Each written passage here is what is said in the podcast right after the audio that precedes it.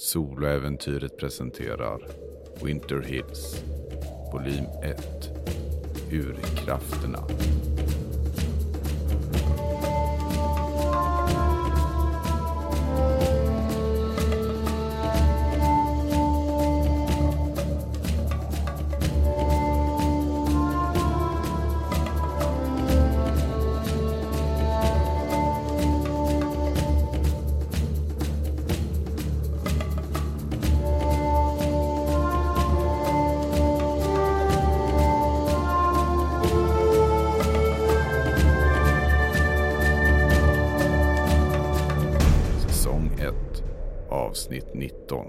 Under the Stairs Sjätte delen Dahlia befinner sig nere i en grottsal under staden Vinetka. Hon har känt Gaias energi här nere och när hon försökte sätta sig i en andlig kontakt med någonting som var där nere så kunde hon se en golem. En golem som verkade kontrollerad av urkrafterna. Och den sa till henne att han hade slukat Gaias kraft, att Gaias energi var hans. Dalia vägrade att erkänna det och det byggdes upp en eh, ilska i henne när urkrafterna väl förstod att Dahlia kanske inte skulle kunna ställa sig på samma sida så började Golemen att tona upp och göra sig redo för att anfalla Dahlia. Vad går igenom Dahlias sinne? Det är väldigt blandat. Det är den här rena ilskan och förrättade känslan av att hur vågar han? Och sedan också den här adrenalinruschen. Insikten om att jag står framför en fiende som är så mycket starkare än jag. Både i kraft och i fysiskt övertag. Och den adrenalinruschen får mig att bli alldeles kall. Och jag känner hur hela mina sinnen bara lägger sig till ro åt allting jag har lärt mig. Det är nu, det är nu jag måste sätta det till bruk. Och jag tänker slå ett slag eh, för Golems anfall mot dig eftersom han har ett högre initiativ än dig. Men eh, tack vare att du har en skyddsbarriär uppe så har du plus fem på försvar vid den här anfallen. Och det är den som kommer att rädda dig nu. Du ser hur han chargear fram emot dig och liksom höjer händerna över sitt huvud och slår dem ned mot dig med all den kraft han uppbringar.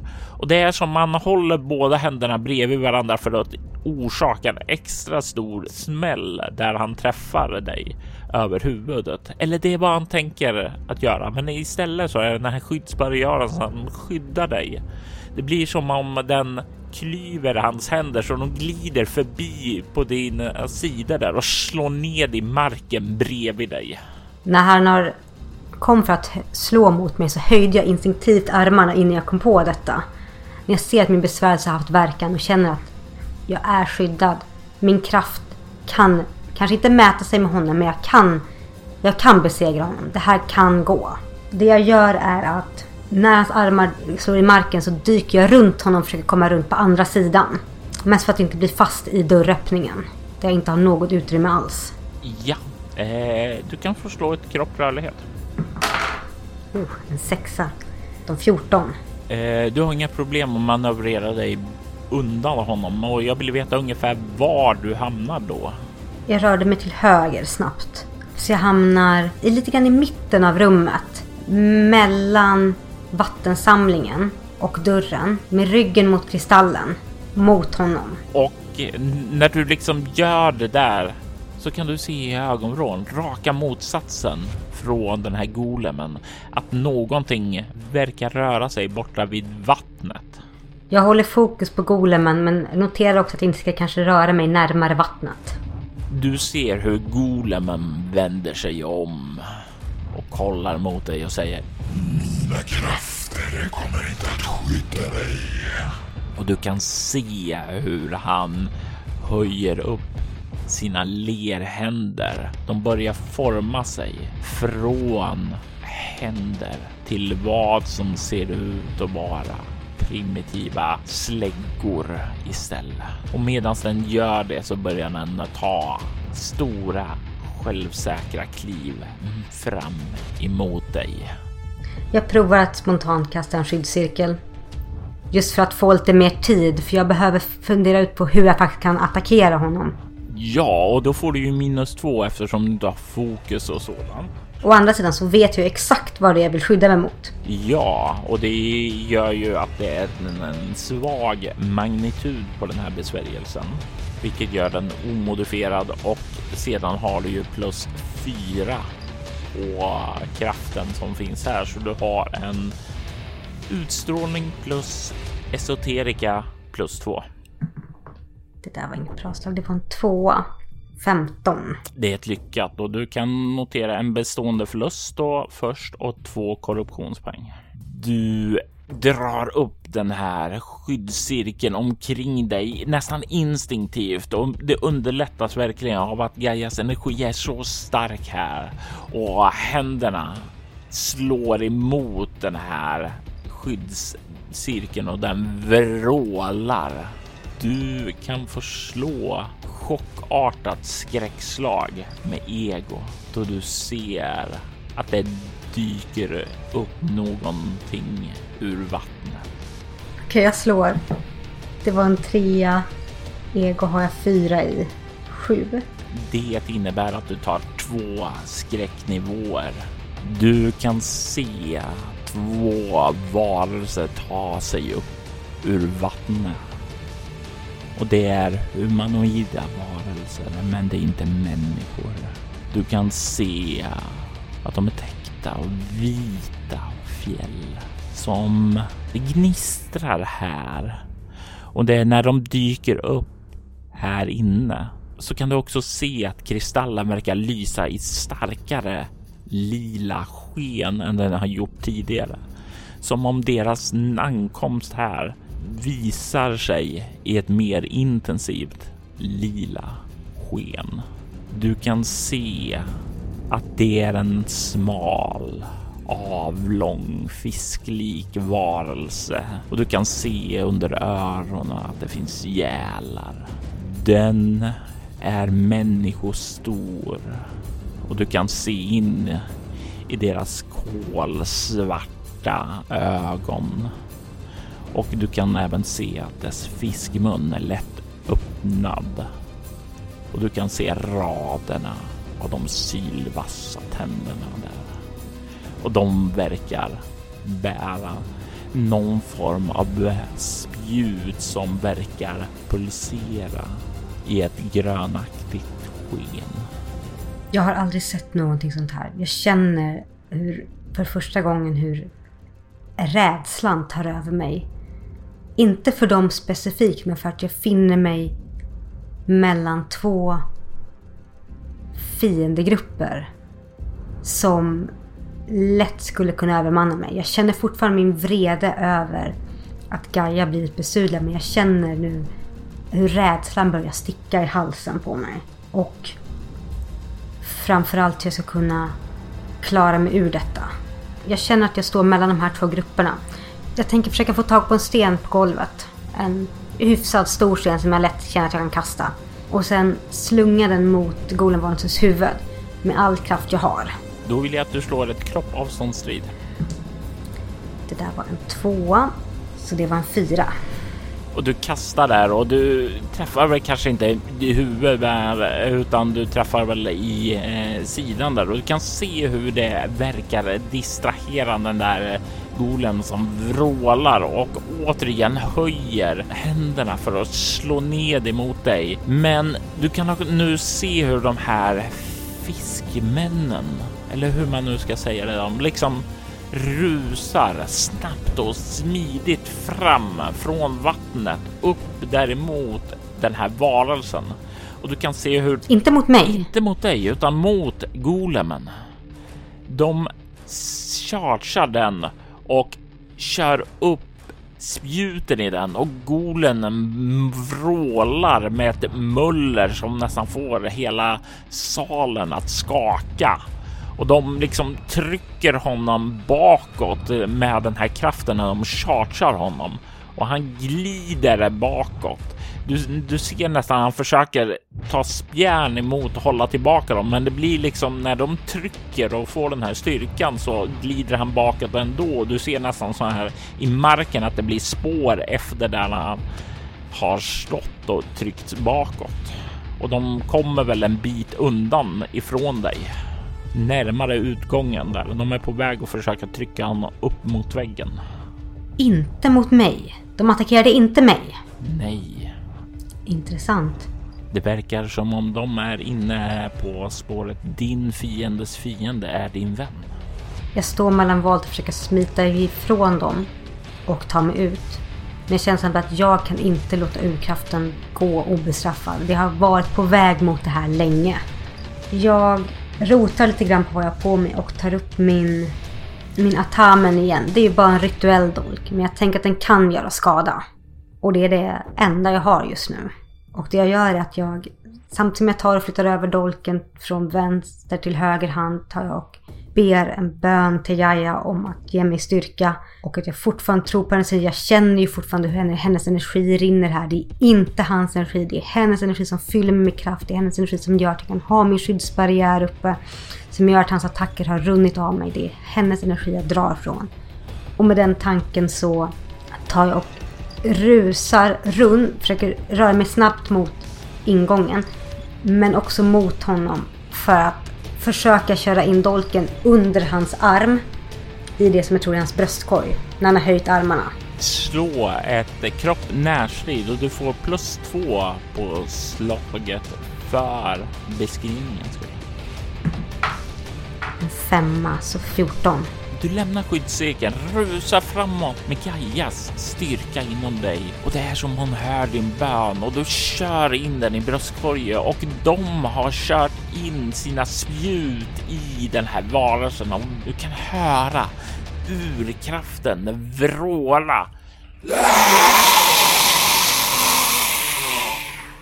Och du ser hur varelsen, hur golemen börjar smälta när den förintas av er gemensamma attack. Och du kan se hur de här fiskmännen tar ett steg undan ifrån dem och lite passivt verkar avvakta hur du reagerar härnäst. Jag backar också.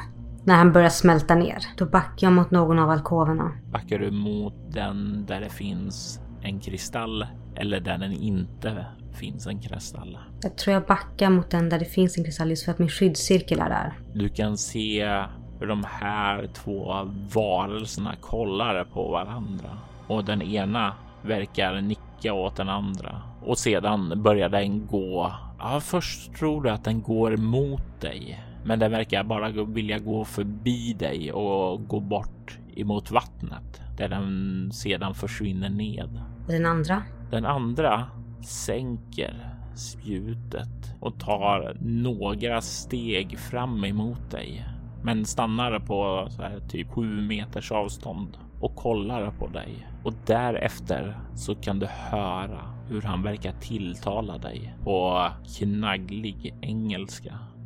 Du är inte av urkrafterna, men du inte står i Rylkshas gunst. Vem är du?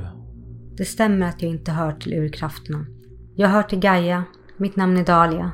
Dahlia, du bär samma som vår härskare utseende. Du bär hjärta som påminner om vad hon gjorde för oss länge sedan.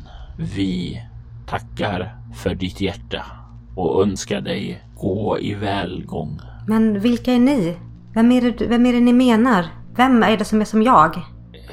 Jag är Melkor och vi lyder under sjöhäxan.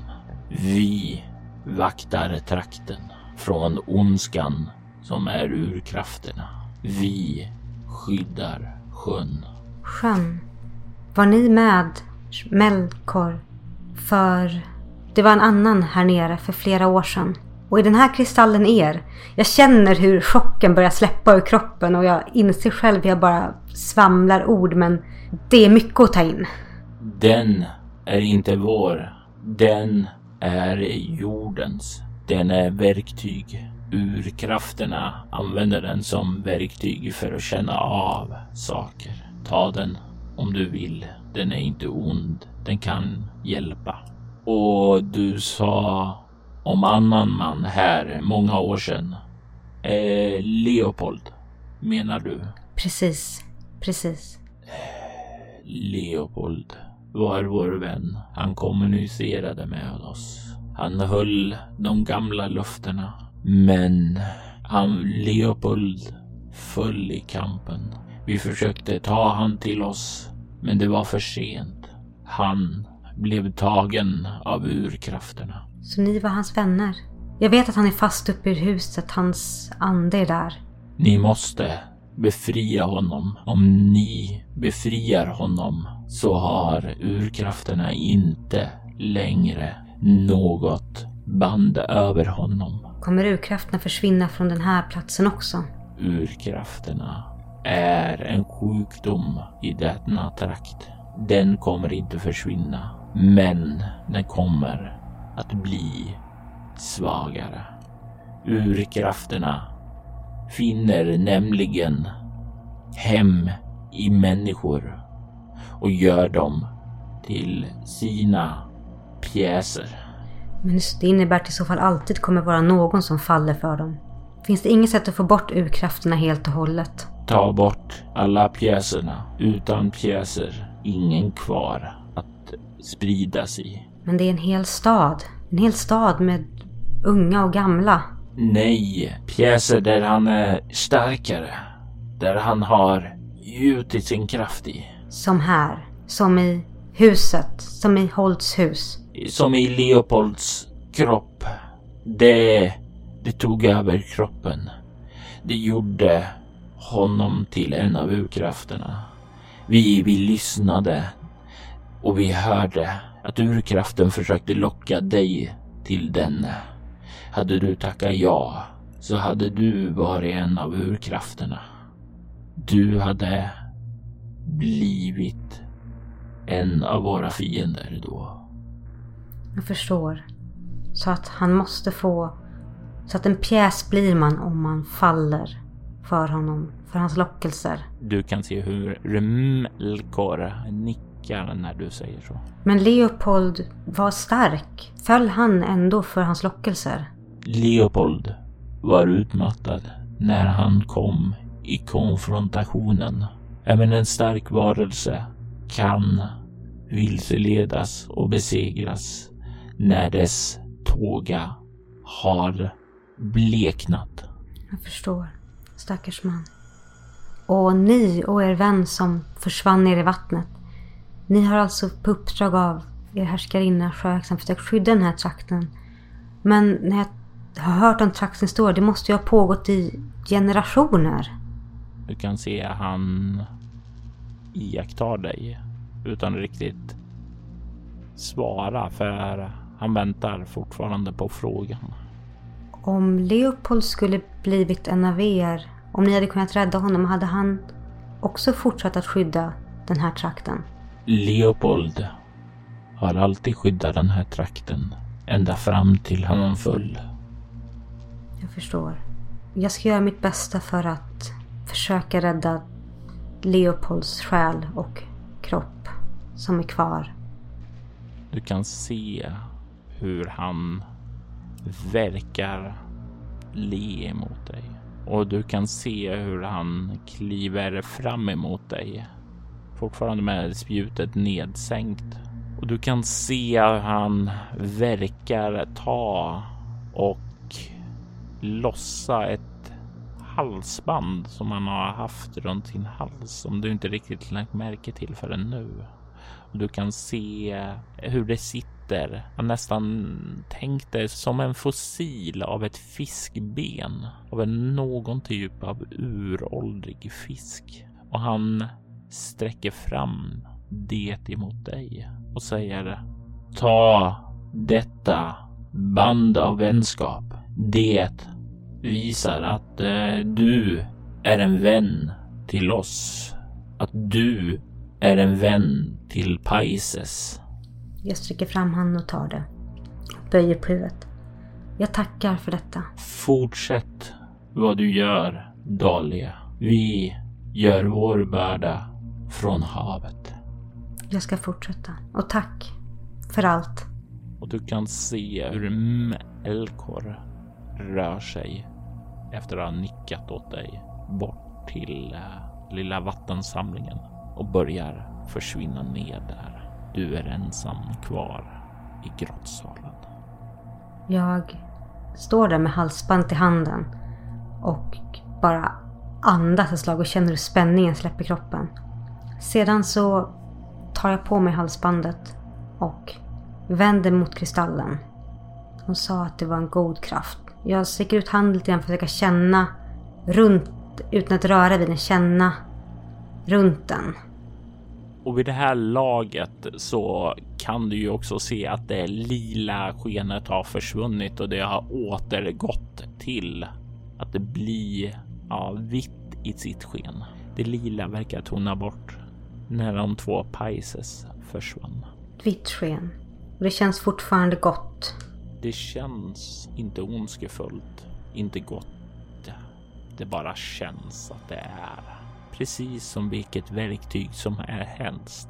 En hammare känns ju inte ond, utan det är ju alltid den som använder hammaren som bestämmer om den ska användas för att krossa någons knäskål eller om den ska bygga ett hus till skydd emot kylan. Om jag tar bort den här så kanske... Ja, jag får lita på vad de sa. Jag tar upp kristallen och lägger ner den i min väska. Och sedan börjar jag röra mig bortåt och ut från salen. Bort mot eh, utgången och stegen. Medan du rör dig ut så vill jag att du på ditt formulär under utrustning noterar att du har en magisk kristall och att du har ett halsband från eh, Pisces. Och du kan röra dig ut. Och när du börjar komma ut ur gången så känner du också att det här vita skenet börjar också tona ned. Hur det sakta, sakta börjar slockna ju längre bort ifrån den här grottsalen du kommer. Intressant. När jag kommer upp i biblioteket så ser jag också till att knuffa tillbaka bokhyllan.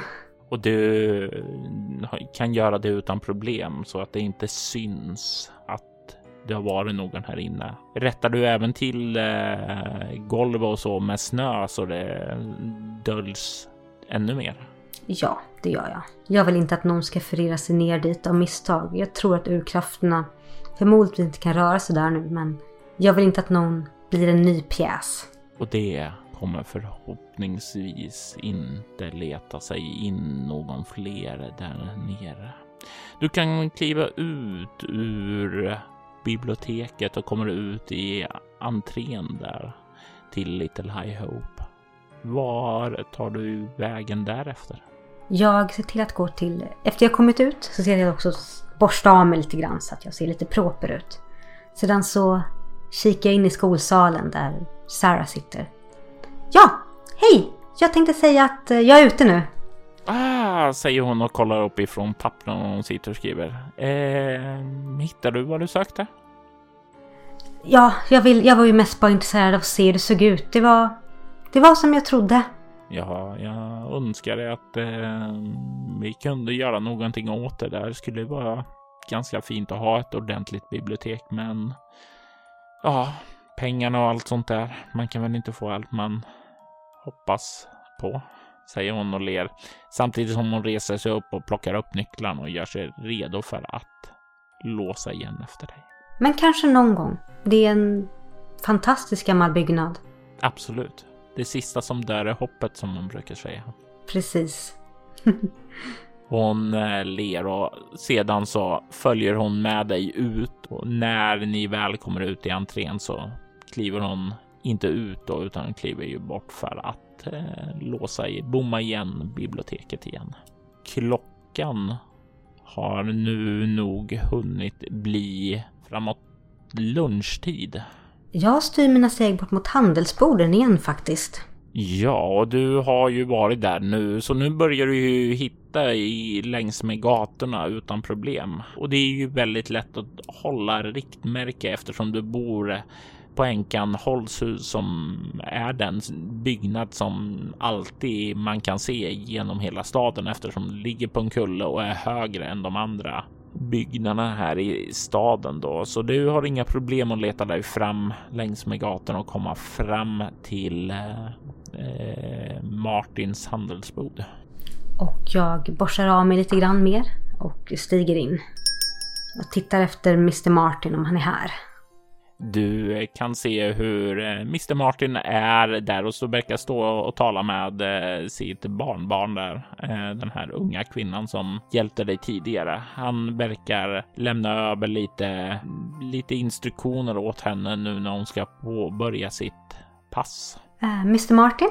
Ah, Dahlia. Eh, hej säger han och ler. Hej! Eh, vad kan jag hjälpa er med? Och du kan se hur Elisabeth nickar åt dig och eh, ursäktar sig för att sedan skynda iväg och börja göra sina arbetssysslor.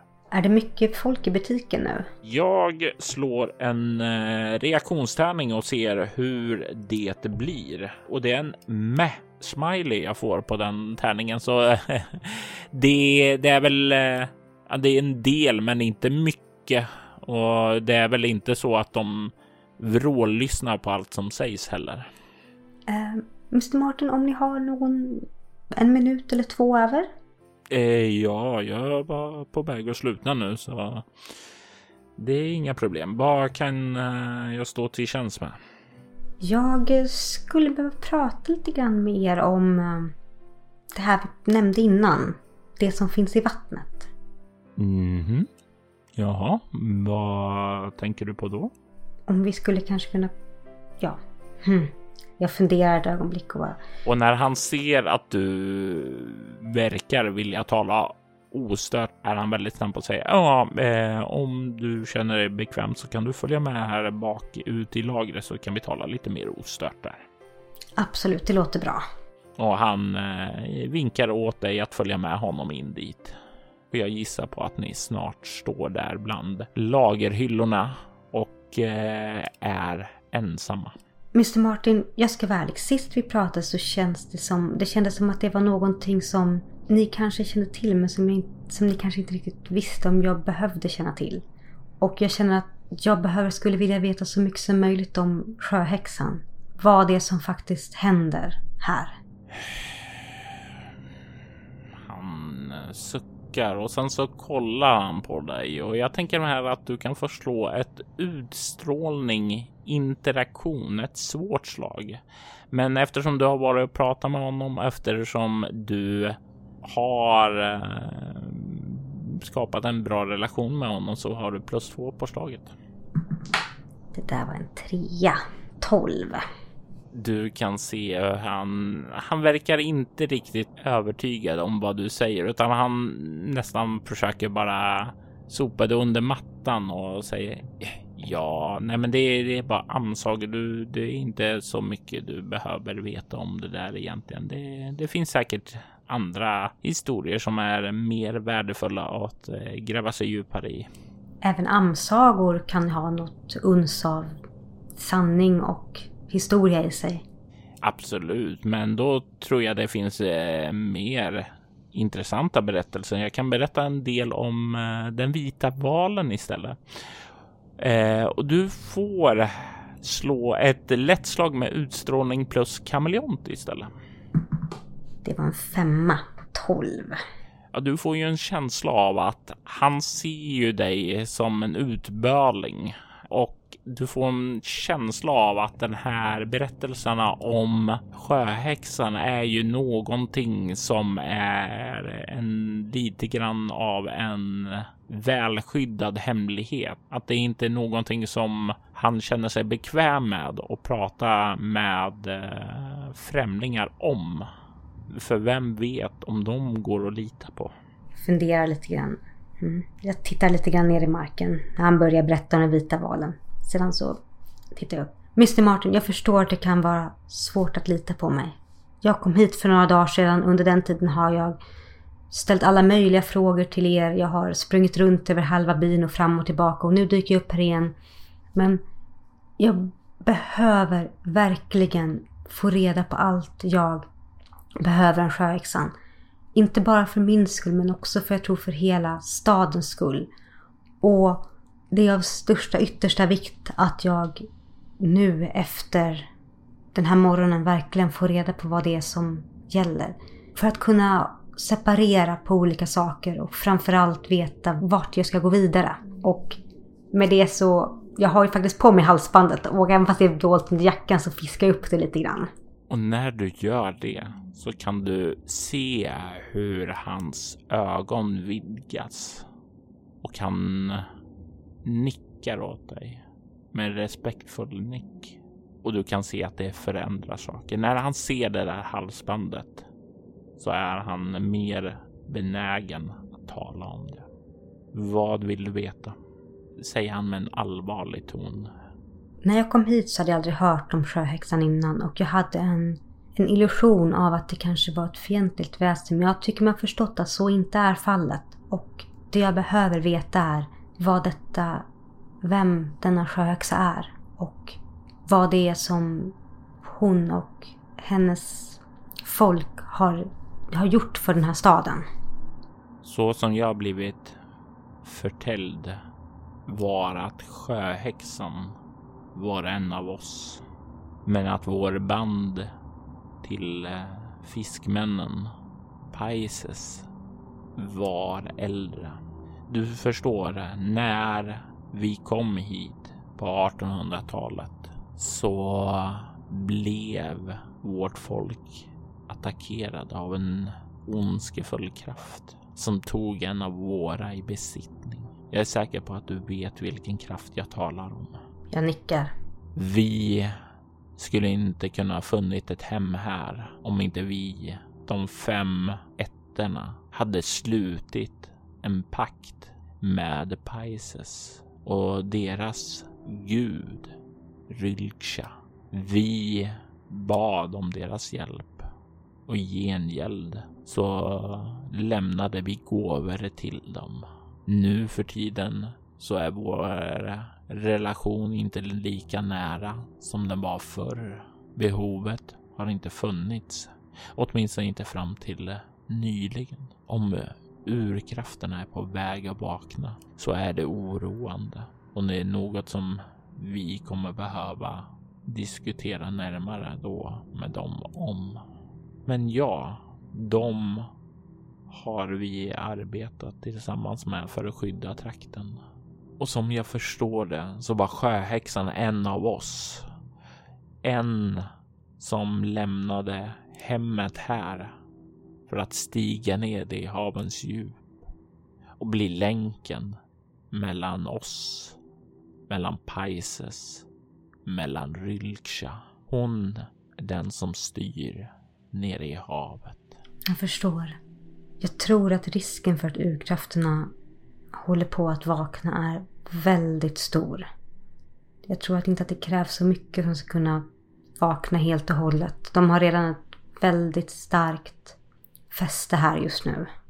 Finns det något sätt att, för staden att återupprätta kontakten med sjöhäxan och Rylksha? Jag tänker på just för framtiden. För att jag ser att det här har hänt igen och igen.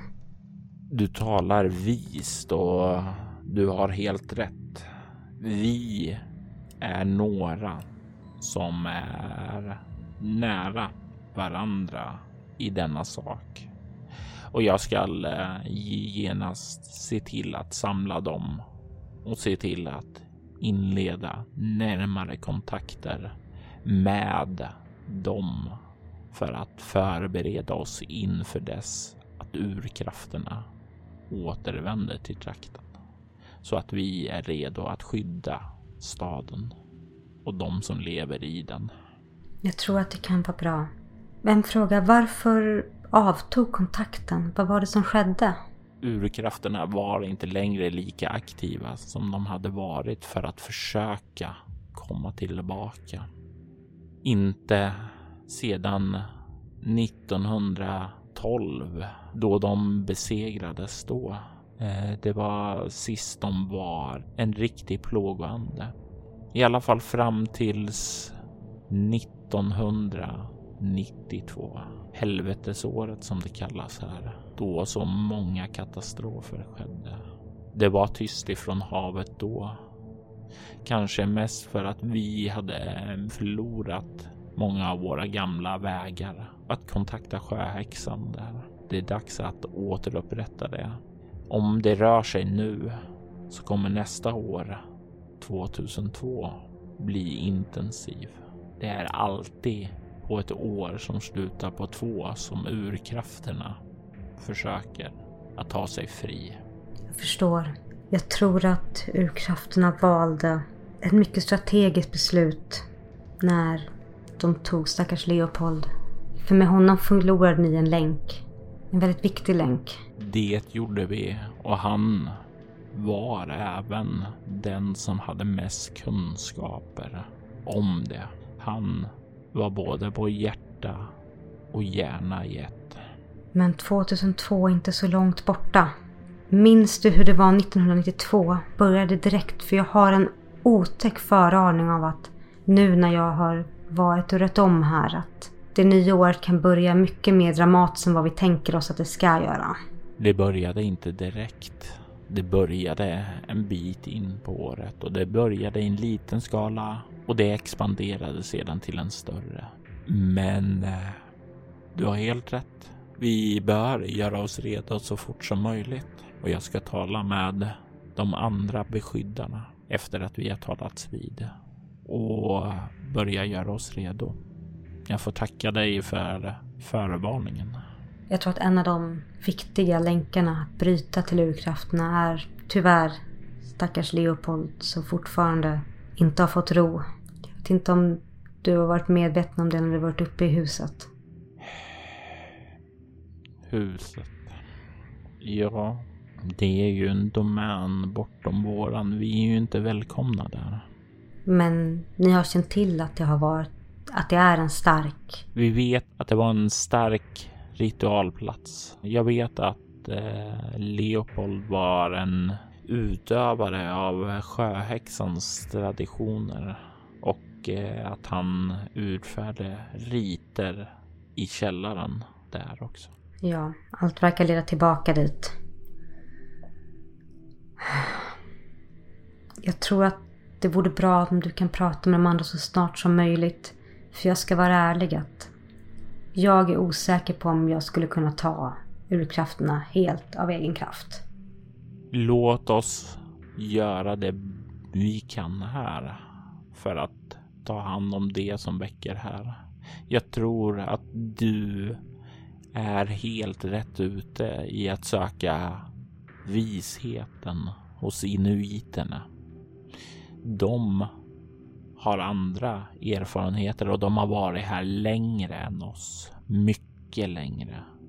Och deras historier sträcker sig så mycket längre tillbaka än våra. Kanske kommer du att finna de hemligheter som behövs för att besegra dem i slutändan. Men de kommer inte hit förrän efter årsskiftet.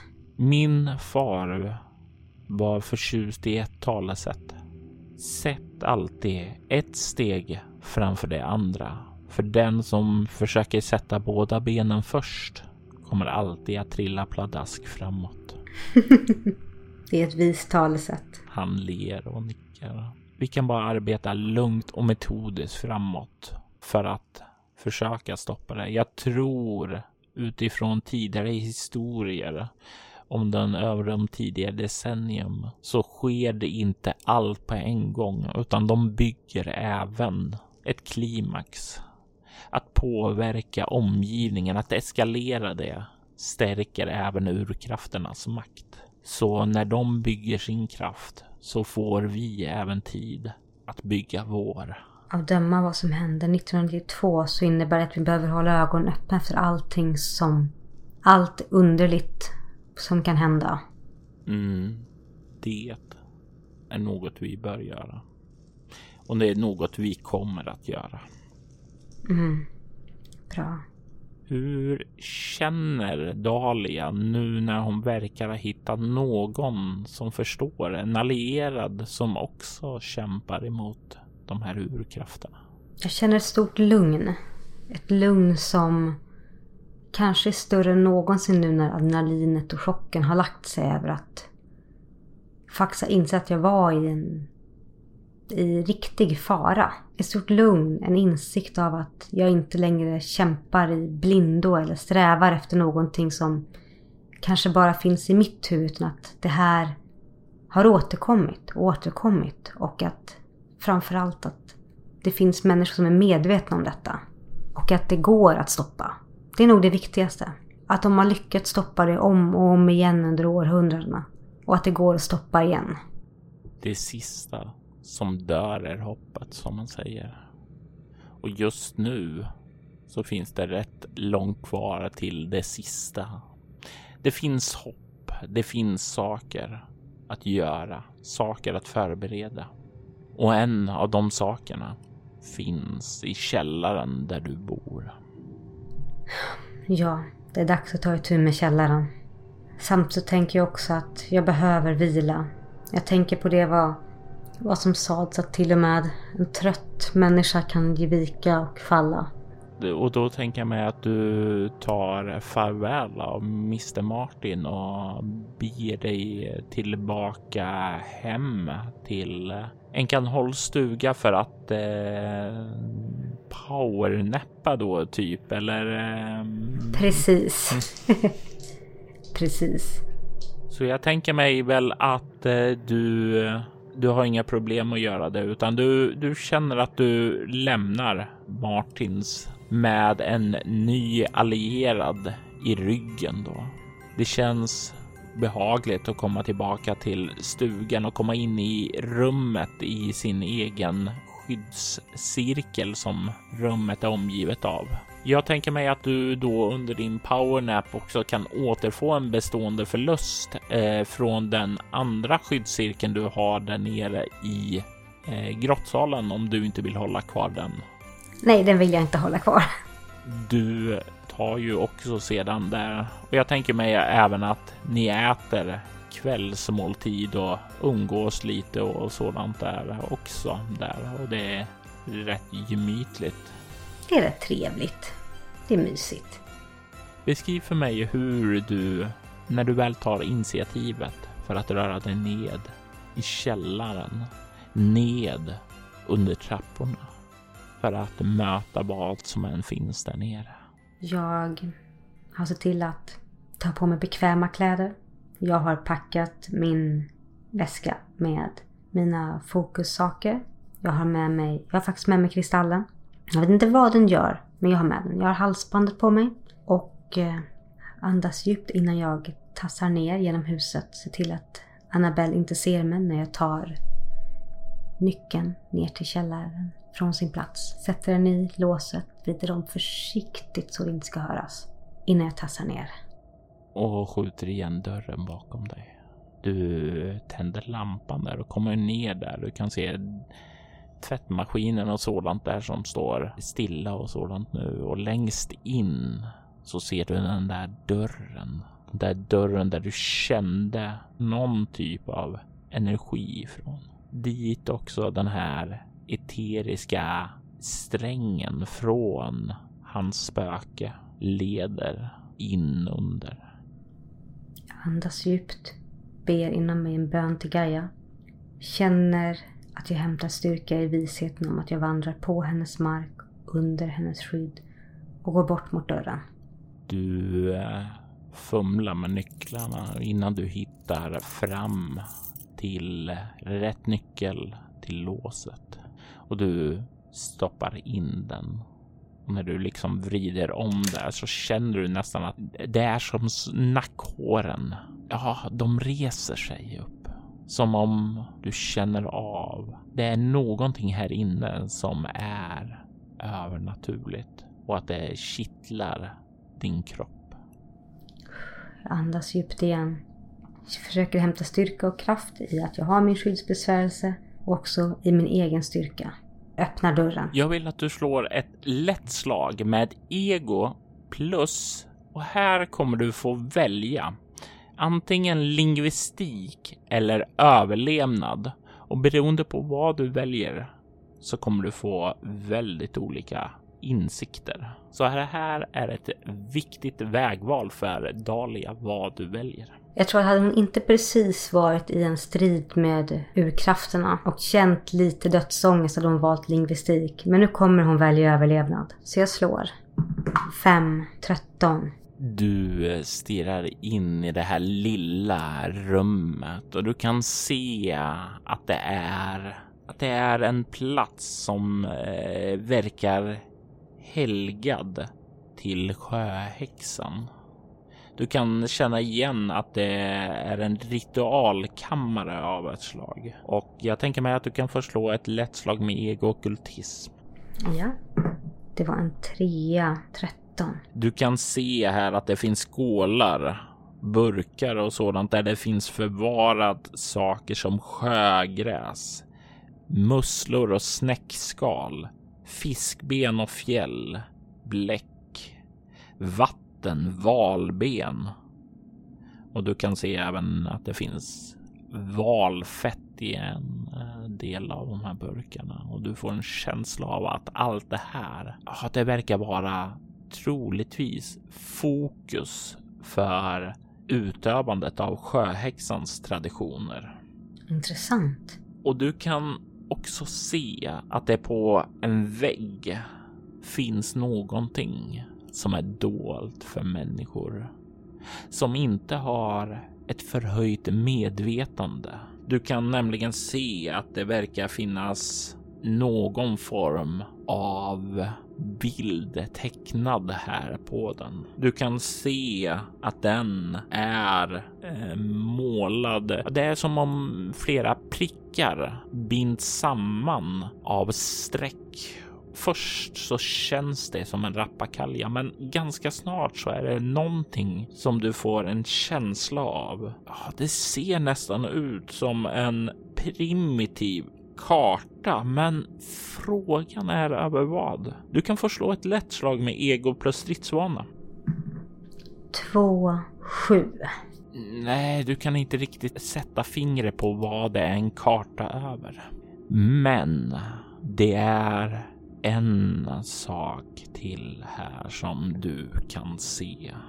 Du kan se att det på golvet finns symboler målade i bläck i samma typ av sådana här tecken av samma typ av symboler som är målade på väggen, även om de ser helt annorlunda ut. Det är punkter som binds samman i mönster av raka streck och i mitten av den här mönstret så kan du se hur det ligger en diamant kanske. En typ av ädelsten som den här eteriska strängen som leder till Leopolds spöke leder fram till. Och du kan se, se att eh, det i den här tecknen och så är utplacerat flera sådana här snäckskal och musslor också. Du får en känsla av att det är som om Leopold måste ha försökt att upprätta någon form av, ja, en omvänd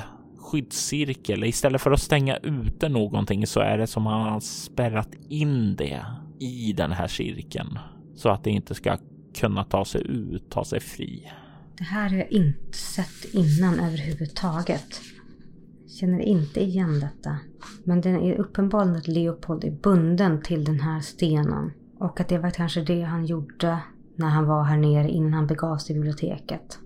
Och du kan känna också Nej. en välbekant kraft som du har känt tidigare ifrån den. Även om den är mycket svagare och inte, och inte är fri. Men du känner att den här diamanten är kopplad till urkrafterna Och troligtvis är det det som håller Leopold i sitt grepp. Jag står och funderar på vad jag skulle kunna göra här. Mm.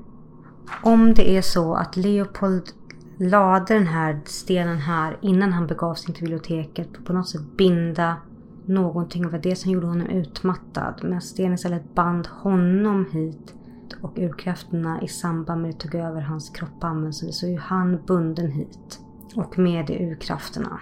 Hmm. Finns det något sätt jag kan analysera det här på? Och få mer insikt i det? Du kan förslå ett svårt slag med ego och okkultism. Ja, kom igen nu tärningen. En sexa. Oh, de 16. Du eh, är rätt säker på att Leopold inte kunde förstöra den här. Och troligtvis så satt han inte rätt typer av besvärjelser för att fördriva ondskan som fanns i diamanten. Det enda han kunde göra var att placera den i den här omvända skyddscirkeln och stänga inne den, fängsla den där utan att kunna exorcera ondskan i den så eh, blev han tvungen att binda den där, fängsla den och det gjorde honom svag. Han eh, var tvungen att hålla den i schack och troligtvis är det det som gjorde att hans sinne var, var öppet för att bli besudlad. Nu så verkar han bunden till den här stenen och så länge han är bunden till den så kan urkrafterna styra honom. Och troligtvis så är urkrafternas närvaro här i hemmet enbart ett resultat på att den har ett band till Leopold. Mm. Så det som jag måste göra är att göra en exorcism mot spöket för att kapa bandet som urkrafterna har. Sista levande pusselbiten. Ja, sista pusselbiten i alla fall. Det är det jag tänker göra. Vart har vi eh, Leopold? Du har ju inga problem att följa den här strängen där. Eh, så du tar, reser dig upp och börjar röra dig utåt och eh, jag vill att du slår ett omskakande utstrålningsskräckslag. Nej, var snäll nu Robert. 3, 6, 7, 8. Och det är lyckat eh, för omskakande är 7. Mm-hmm. Du tar de första stegen och är eh, på väg ut och du hajar till när du ser hur han står mitt i källarrummet och bara stirrar på dig där du kliver ut ifrån den öppna dörren. Nej, då gör jag väl det här då. Ta fram min pentakel.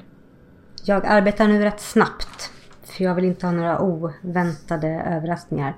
Jag tar fram min atamen, driver ner den till vänster om min fot. Sen tar jag fram min bolinen, driver ner till höger om min fot och tar pentaken mellan mina händer. Och börjar gnida pentaken mellan händerna för att fokusera på att sträcka ut min kraft mot spöket omvälva det och försöka att genom att knuffa ut det här främmande väsendet ur Leopold. Jag försöker att kanalisera så mycket kraft jag kan genom mina fötter upp, genom mina armar i pentakeln och sen ut mot mitt ansikte för att verkligen dra så mycket nytta av det.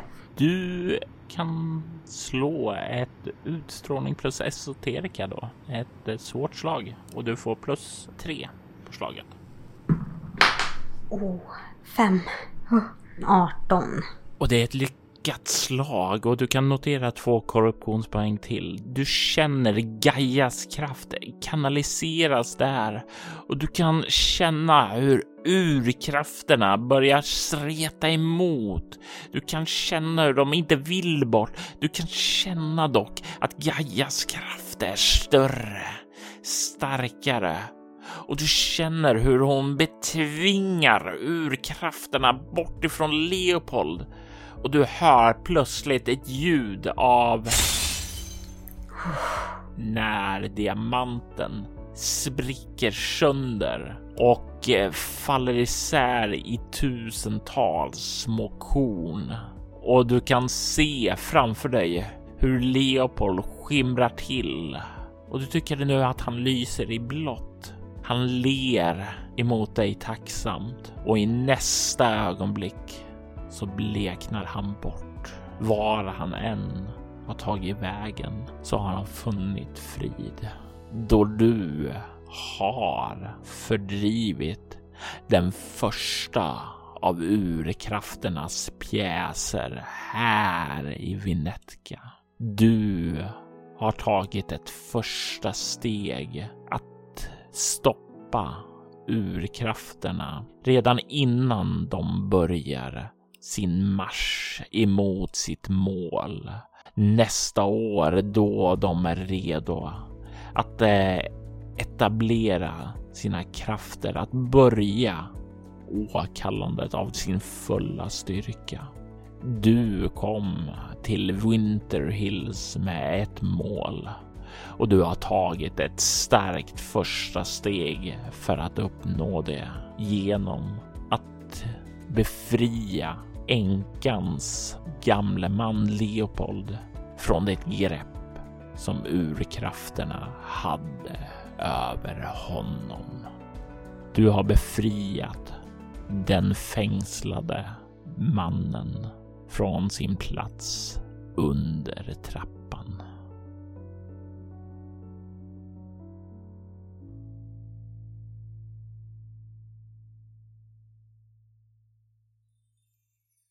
I detta avsnitt hör du Anna Erlandsson som Dahlia White. Winter Hills är en berättelse skapad och spelad av Robert Jonsson till rollspelet Bortom som ges ut av Myling spel. Avsnittet klipptes av Jörgen Niemi och ljudlades av Robert Jonsson.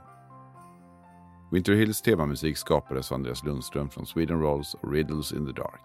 Ni hittar hans musik på Spotify och Soundcloud. Övrig musik gjordes av Ari, Derek and Brandon Fischer, Hampus Neselius, Ugasani, Belog Songs samt kollaborationen Shadows of Forgotten Legends av Alphax One, Protoju och Onasander och Cthulhu av Cryo Chamber.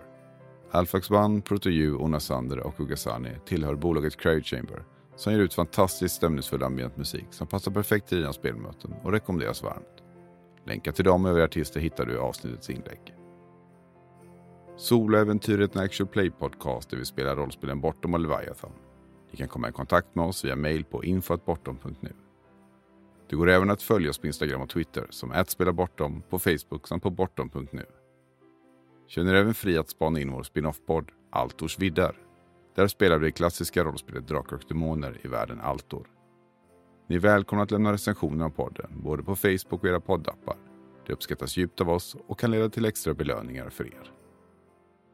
Vill du stödja Roberts fortsatta kreativa skapande kan du göra det på patreon.com Robert Jonsson.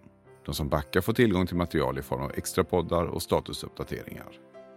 Mitt namn är Jörgen Niemi. Tack för att ni har lyssnat. Vi vill ta tillfället i akt att tacka, hylla och hedra våra Patreon-backare. Martin Stackelberg. Mia Gibson.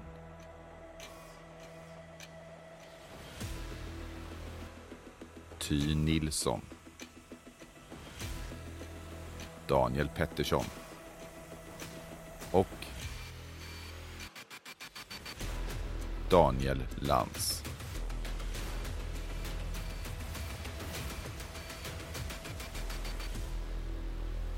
Ert stöd är djupt uppskattat.